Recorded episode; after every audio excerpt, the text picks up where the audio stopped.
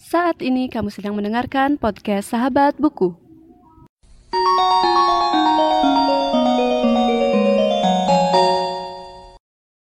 Semuanya dan selamat datang kembali di podcast Sahabat Buku. Dan di episode kali ini aku akan mengadakan bincang buku bersama Budi Setiawan, yaitu salah satu adik tingkatku yang beda jurusan dan aku kenal sama dia karena mengikuti salah satu kegiatan di kampus. Nah, Budi ini suka membaca dan juga orangnya berprestasi loh. Dia juga punya podcast dengan judul Silent Speaker. Oke, jadi selamat mendengarkan perbincanganku sama dia ya. Oke, uh, kali ini aku sedang bersama Budi dan sebelumnya aku minta Budi buat perkenalan ya. Perkenalkan diri, asal, uh, terus kuliah di mana sama hobinya. Uh, halo semuanya, perkenalkan nama aku Budi Setiawan. Asal aku dari Desa Kayu Putih, uh, dekat daerah wisata Lovina. Saat ini aku kuliah di Universitas Pendidikan Ganesha, program studi Pendidikan Teknik Informatika semester 4. Untuk hobi sih sekarang hobinya tuh tetap baca buku juga dan juga sering nonton series Thailand karena aku tuh sekarang lagi suka-sukanya sama series Thailand. Oke, jadi Budi hobinya membaca dan juga nonton series Thailand. Terus uh, beberapa hari ke belakang ini Budi ngapain aja sih di rumah? Uh, beberapa hari ke belakang ini aku kebanyakan sih uh, bantu orang tua sih ya bantu orang tua jualan. Selain itu juga aktif di organisasi juga seperti ada uh, suksesi online dan juga kegiatan online lainnya. Ya selebihnya itu ya buat tugas ya. Sebagai mahasiswa kita pasti punya kewajiban utama yaitu buat tugas tentunya. Ya bener banget sih. Aku juga akhir-akhir ini sering buat tugas dan karena udah akhir semester uh, apa namanya pasti udah lebih lega gitu nggak sih Budi? Uh, sudah sedikit lega karena sudah melewati beberapa project karena di prodiku itu sangat identik dengan project soalnya anak teknik itu sama project seperti apa ya pinang dibelah dua bisa dibilang seperti itu karena kita tuh nggak bisa lepas dari namanya project dan itu merupakan poin utama kita sebagai mahasiswa di fakultas teknik tentunya. Oke, jadi kayak akhir-akhir ini tuh sibuk banget gitu ya sama project-project yang kamu selesain gitu. Ya, dan di sana tuh sering ketemu problems dan aku sih uh, enjoy aja sama problems yang aku hadapi itu. Soalnya itu bagian dari proses kita sebagai mahasiswa tentunya untuk belajar juga kan namanya seperti itu. Oke, uh, kita lanjut ya. Uh, terus kan berapa hari ini Budi sibuk banget gitu ya. Terus sempat nggak sih baca buku gitu? Hmm, baru-baru ini aku sempat baca novel uh, dan aku baru ambil novelnya itu di kos. Soalnya aku punya beberapa koleksi buku dan pengen banget aku baca di waktu luang karena sekarang banyak aktivitas jadinya susah deh luangin waktu buat baca bukunya. Jadi baru-baru ini aku dapat baca satu buku itu pun novel judulnya itu senior. Oke bisa diceritain nggak uh, novel senior tuh kayak gimana? Uh, novel senior itu menceritakan kehidupan seorang siswa baru di SMA Sevit Bandung namanya itu Aluna. Jadi Aluna itu siswa baru yang mau mengadakan mos di sekolahnya itu. Terus dia tuh ketemu sama ketua OSIS blasteran Italia sama Indonesia namanya namanya itu Arjuna kalau nggak salah dan hmm. ketua osis itu dingin banget sok cool dan dia tuh dingin banget nggak bisa diajak komunikasi dan aku rasa novel itu membuatku tertarik lagi untuk baca buku itu soalnya ini mengangkat kisah masa sekolah dan bikin aku sedikit flashback ke masa-masa SMA dulu seperti itu. Oke, jadi kan itu novel uh, apa tuh maksudnya termasuk buku fiksi gitu ya. Terus Budi itu lebih suka baca buku fiksi apa buku non fiksi? Kalau masalah genre fiksi maupun non fiksi, uh, kalau aku dari SMK itu kan sering ada program literasi, jadi aku lebih sering membaca buku yang novel atau non fiksi, soalnya itu lebih enjoy aja itu baca buku non fiksi karena meningkatkan daya kreativitas sama imajinasi. Tapi di samping itu juga aku suka baca buku yang berkaitan dengan sains sama teknologi juga. Oke. Okay. Terus uh, Budi tuh misalkan setiap hari tuh baca buku nggak atau emang uh, pas lagi pengen aja gitu? Kalau dulu di masa SMA sering baca buku, soalnya di perpustakaan aku sering baca buku. Itu sih dulu kebiasaannya sering banget baca buku. Kalau sekarang intensitas baca bukunya itu udah berkurang, soalnya kegiatan udah banyak juga dan susah juga buat ngatur waktu buat baca buku. Padahal pengen banget buat baca buku dan nambah koleksi juga tentunya. Ya bener sih, kalau emang lagi sibuk tuh pasti susah sih untuk mengatur waktu buat baca buku. Terus nih kalau misalkan uh, suasana pas baca buku, Budi tuh kalau baca buku tuh konsentrasi pas di suasana apa sih? Kalau misalnya suasana buat baca buku itu lebih enak pas tenang di sore hari atau pokoknya di cuaca nggak terlalu panas yang penting itu adem tenang nyaman yang penting kita tuh bisa lah buatlah suasana yang nyaman ketika membaca buku soalnya kita bakal merasakan feel baca bukunya tuh kayak gimana oke okay, terus uh, apa namanya kalau tempat itu berpengaruh nggak sama Budi kalau baca buku misalkan ada tempat khusus gitu waktu baca buku atau gimana kalau tempat sih nggak masalah sih Raya kalau baca bukunya. Uh, aku bisa baca buku di mana aja asalkan di tempat itu nggak berisik tanpa gangguan.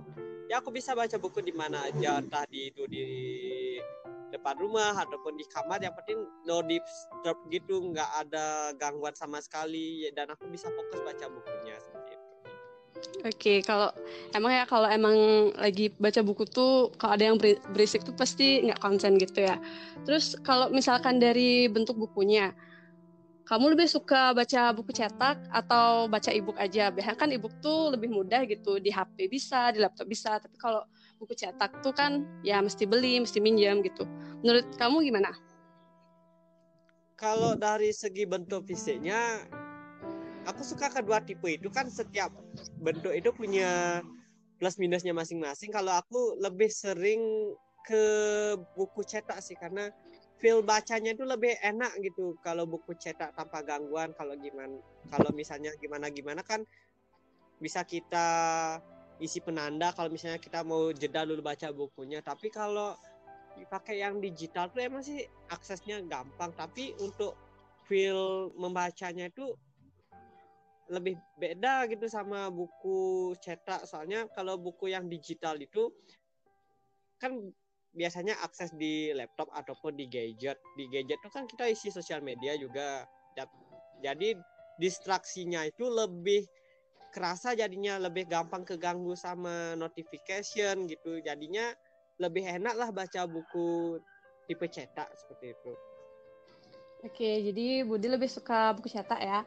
Terus kan uh, buku cetak nih, kamu lebih ke tipikal pembeli buku atau peminjam buku?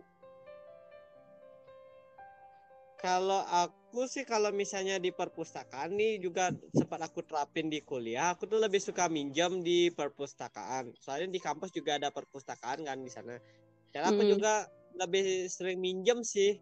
Dan untuk bukunya itu karena saking sukanya tuh kadang-kadang sampai lupa deadline ngembaliinnya karena saking suka sama buku itu. Kadang-kadang memperpanjang lagi untuk pinjam bukunya karena saking excited sama bukunya. Oke, terus kalau misalkan Budi pernah nggak sih baca buku yang berbahasa asing gitu? Untuk buku berbahasa asing uh, pernah, tapi aku lupa judulnya. Itu tuh semacam novel itu pernah aku baca untuk bahasa asing dan juga untuk buku-buku lain kayak ensiklopedia tuh aku pernah baca yang bahasa asing dan juga literatur dari luar juga aku pernah baca yang bahasa asing juga Inggris tentunya oke. Jadi bahasa asingnya itu bahasa Inggris ya? Ya Inggris. Uh, kalau bahasa lain kayak Korea itu kan uh, aksara atau alfabetnya tuh aku kurang paham jadinya susah untuk baca. Jadi aku menghindari buku di non English tuh aku nggak bisa baca dan Oke. Terus kalau misalkan kamu nyari buku nih, kamu tuh tipikal yang nyari bukunya tuh berdasarkan apa sih? Berdasarkan penulis kah atau berdasarkan judul atau kalau ngeliat covernya bagus tuh kamu ambil aja gitu?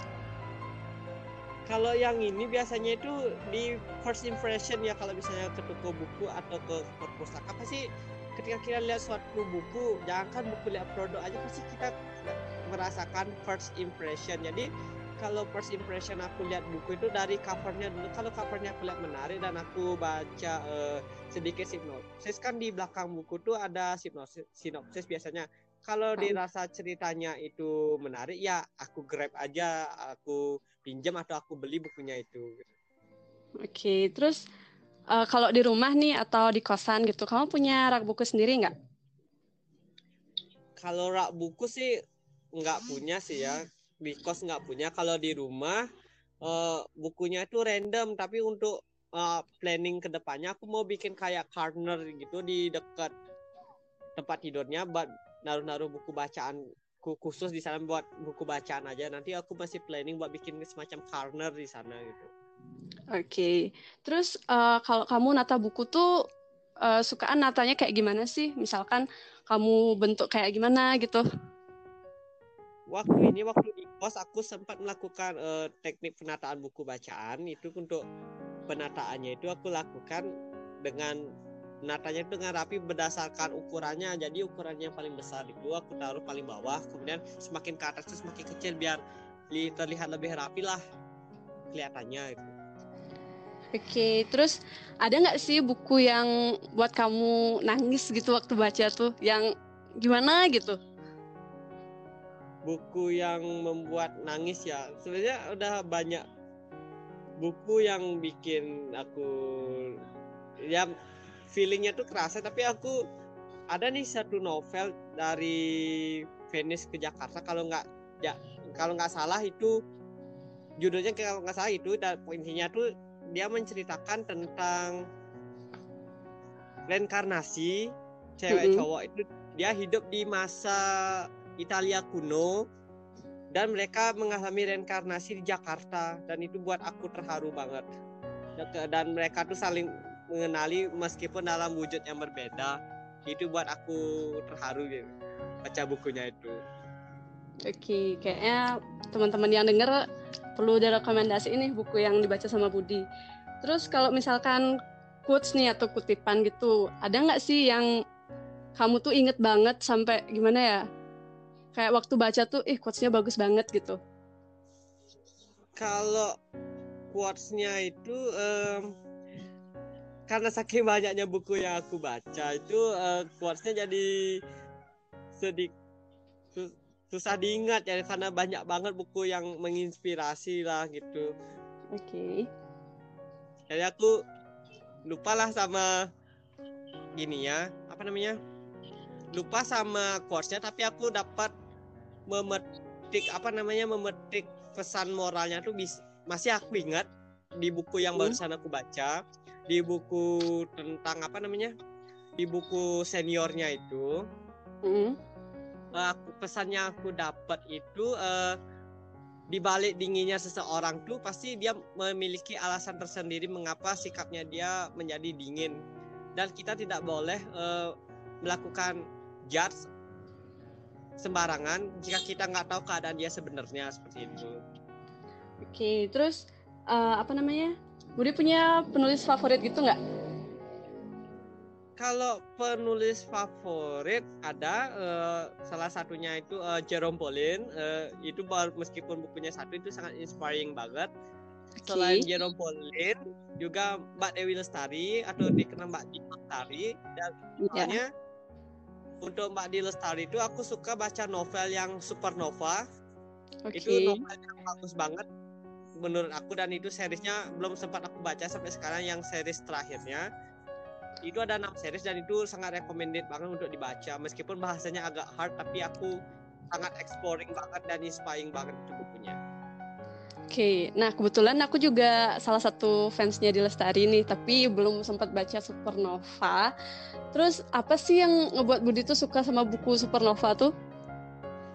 Yang buat aku suka baca sama Supernova itu um, ceritanya itu benar-benar mind blowing dari series yang pertama sampai yang kelima itu ceritanya di luar nalar emang sih di luar nalar tapi itu mem mampu membangkitkan imajinasi kita khayalan kita tuh kayak bangkit ketika membaca gitu. Apalagi di series yang kesatria putri dan bintang jatuh. Itu tuh kita tuh kayak alurnya tuh dipermainkan alur maju mundur dan juga cara menyampaikan kata-katanya itu juga emang sih bagi orang awam itu agak berat. Tapi ketika kita mendalami cerita tersebut kita tuh kayak seolah-olah kita berada di cerita tersebut. Dan hayalan kita langsung ada di sana seperti itu. Kalau menurut pendapatku sih gitu. Oke terus uh, selain serial Supernova kamu baca buku Lestari yang apa aja nih? Yang dari Dewi Lestari aku baru baca itu cuma Supernova aja. Yang lainnya belum dapat nyoba kayak perahu kertas tuh aku belum sempat nyoba baca. Pengen sih mau baca itu nanti selanjutnya Oke, terus kan, nah kamu punya dua penulis favorit nih, uh, Jerome Pauline sama Dewi Lestari. Terus misalkan nih kamu ketemu sama ke, uh, salah satu atau kedua penulis ini, kamu mau ngapain gitu? kalau misalnya aku ketemu sama salah satu dari penulis favoritku ini aku mau uh, nanya-nanya lah gimana sih tips membuat uh, sebuah karya tulis atau tulisan yang bagus yang mampu menarik minat dan perhatian banyak orang dan aku kan dulu sempat nih ikut jurnalistik gitu dan aku sempat suka nulis juga dan sekarang aku mau menghidupkan jiwa nulisku itu. Jika aku ketemu sama beliau berdua atau salah satu dari beliau aku bakal minta tips-tips gimana sih menulis buku yang bagus. Oke jadi Budi ini suka nulis juga ya? Ya aku suka nulis lebih tepatnya nulis ke nulis non fiksi sih ya kalau nulis fiksi itu aku kadang mengalami stuck di ide biasanya untuk okay. menulis Terus uh, selain nulis tuh Budi ngapain aja biasanya? Kalau selain nulis biasanya lebih suka di editing tulisannya. Kalau enggak tuh uh, bikin ilustrasi foto ilustrasinya. Oke, terus uh, kamu suka ilustrasi nih. Biasanya pakai aplikasi apa kalau uh, membuat ilustrasi gitu? Kalau misalnya ilustrasi aku nggak gambar, mungkin nyari uh, free image. Free image itu uh, yang bisa aku taruh di tulisanku itu free image yang sesuai dengan tema aku ngambilnya tuh di web seperti Unsplash misalnya kan itu gambar tanpa copyright aku bisa ambil di sana seperti itu kalau gambar itu aku nggak pro banget dalam menggambar jadinya aku ngambil uh, free image aja oke okay, terus uh, kan kamu bisa nulis terus juga ilustrasi. Pernah nggak kepikiran atau emang punya cita-cita buat buku sendiri gitu yang ada ilustrasi dari kamu juga tulisan dari kamu gitu? Untuk cita-cita sih untuk cita-cita bikin sebuah karya tulisan dengan ilustrasi sendiri dan teksnya dari sendiri pasti punya lah. Soalnya aku uh, punya sih blog punya blog juga tapi itu juga karena saking sibuknya aku belum dapat ngurus blognya itu. Jadinya uh, nanti untuk uh, cerita-cerita mungkin ataupun ini cerita aku lebih sampaikan lewat podcast juga nantinya. Soalnya kalau menulis itu kan kadang-kadang kita ngestak di ide kalau misalnya nulis nulis sesuatu itu. Jadinya aku mau mencoba juga bikin podcast juga seperti itu. Nanti mungkin aku bikin cerita sharing-sharing ide atau pendapat itu lewat podcast juga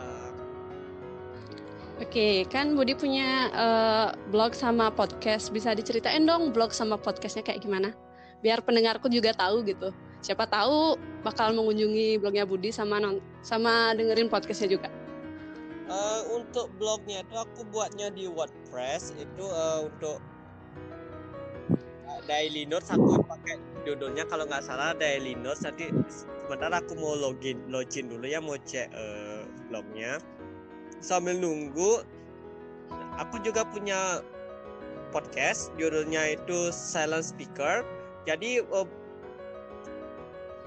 apa namanya podcastnya ini aku buat baru-baru ini di tahun 2019 akhir 2019 di situ isi konten-konten tentang kehidupan aku sebagai mahasiswa mahasiswa teknik dan ke depannya aku akan comeback lagi ke podcast akan membahas lebih banyak tentang kehidupan berkuliah dan daily activities aku. Oke, jadi uh, buat teman-teman yang tertarik nanti bisa dengerin podcastnya Budi kan udah ada di Spotify kan ya? Udah, udah ada di Spotify nanti cari aja Silent Speaker. Silent Speaker okay. yang grafiknya tuh gambar daun-daun hijau karena aku suka yang nuansa alam gitu, yang hijau gitu pokoknya. Oke, terus uh, aku udah sampai di pertanyaan terakhir uh, aku minta Budi buat rekomendasiin buku ke teman-teman yang menurut Budi tuh keren, terus juga mungkin feelingnya dapat atau kayak gimana gitu. Uh, untuk uh, rekomendasinya satu aja atau gimana nih? Uh, boleh aja sih, seberapa aja boleh. Kira-kira mau berapa?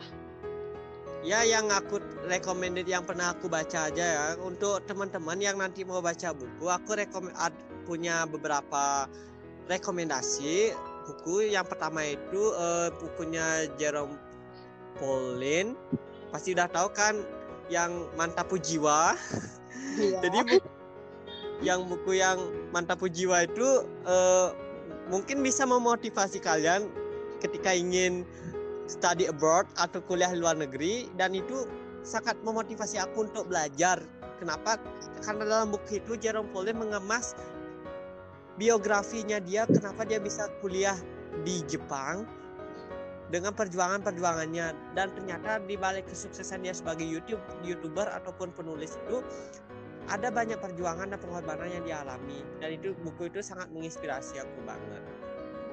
Oke. Ada dan lagi? juga dan juga aku mumpung ingat ada satu buku juga buat teman-teman yang misalnya mau buka bisnis nih di pandemi ini aku rekomendasi buku 99 ide pengusaha muda. Jadi untuk buku ini itu banyak banget ada ide bisnis yang bisa teman-teman lakukan di usia muda dengan modal yang tidak terlalu banyak sih. Dan ini sangat menginspirasi banget soalnya kalau aku baca buku itu random rak dan kadang baca buku bisnis dikit buku motivasi kadang novel gitu. Makanya aku dua buku ini aku rekomendasi buat kamu-kamu yang suka bisnis ataupun yang pengen nambah motivasi belajar. Seperti buku-buku yang aku bilang tadi itu. Sebenarnya ada banyak buku yang bisa teman-teman baca itu yang aku rekomendasi. Karena saking banyaknya judul dan aku sampai lupa juga judul-judulnya apa karena saking bagusnya juga. Dan buat teman-teman nggak apa-apa kita membaca buku di era digital ini mengapa karena dengan membaca buku tuh kita bisa mendapatkan feel atau sense tersendiri ketika mendapat ilmu atau mendapatkan inspirasi. Memang sih sekarang serba digital kan Raya, kan banyak pakai gadget ataupun internet hmm. ataupun sosial media. Tapi sih sekali ambillah buku karena lewat buku tuh kita akan merasakan apa namanya ketenangan, merasakan sesuatu yang baru dan kita tuh bisa menginspirasi diri sendiri dan mengenali diri lebih dalam. Itu aja sih, Ra.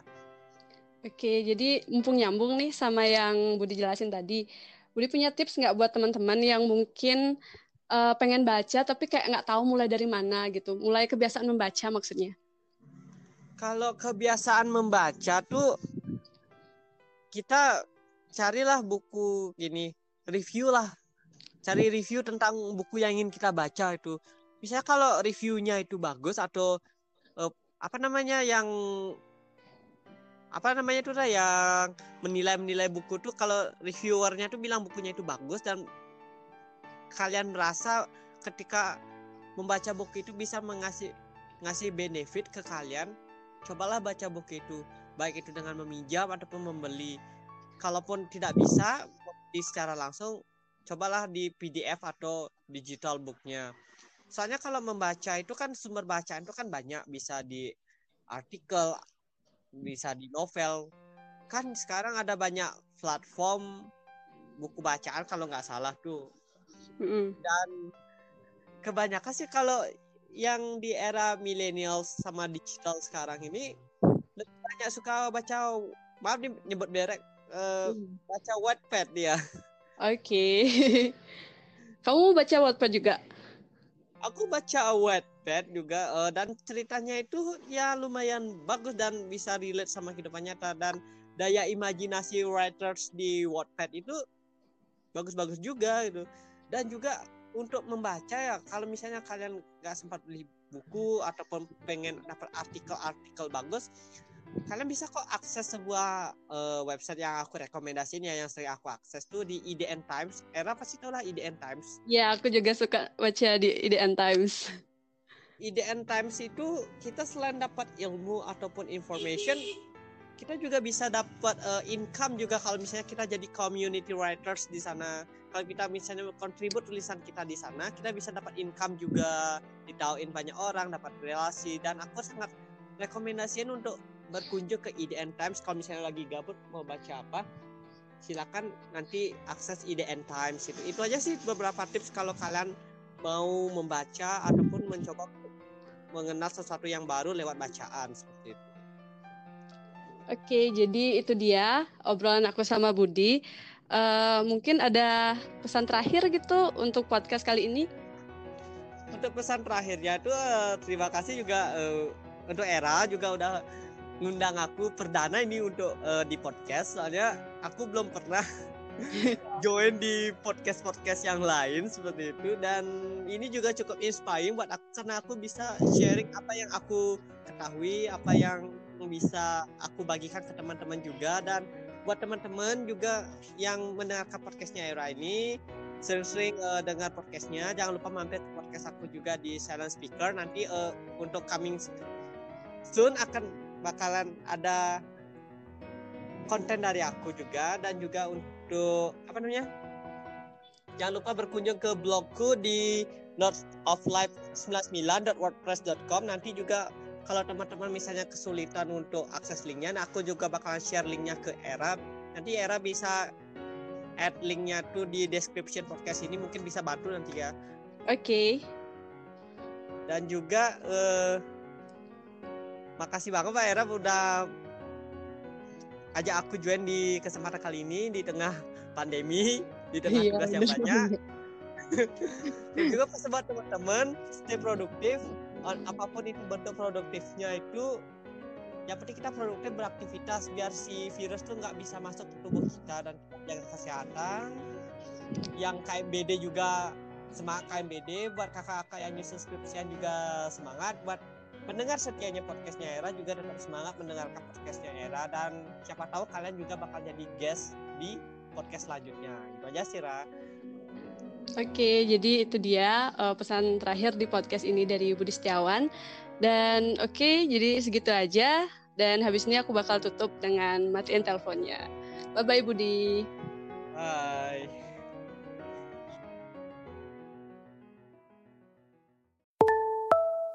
Terima kasih sudah mendengarkan podcast Sahabat Buku. Bagi pengguna Spotify, jangan lupa follow. Dan pengguna Apple Podcast, jangan lupa subscribe supaya bisa mendengarkan semua episode baru dari podcast Sahabat Buku. See you in the next episode.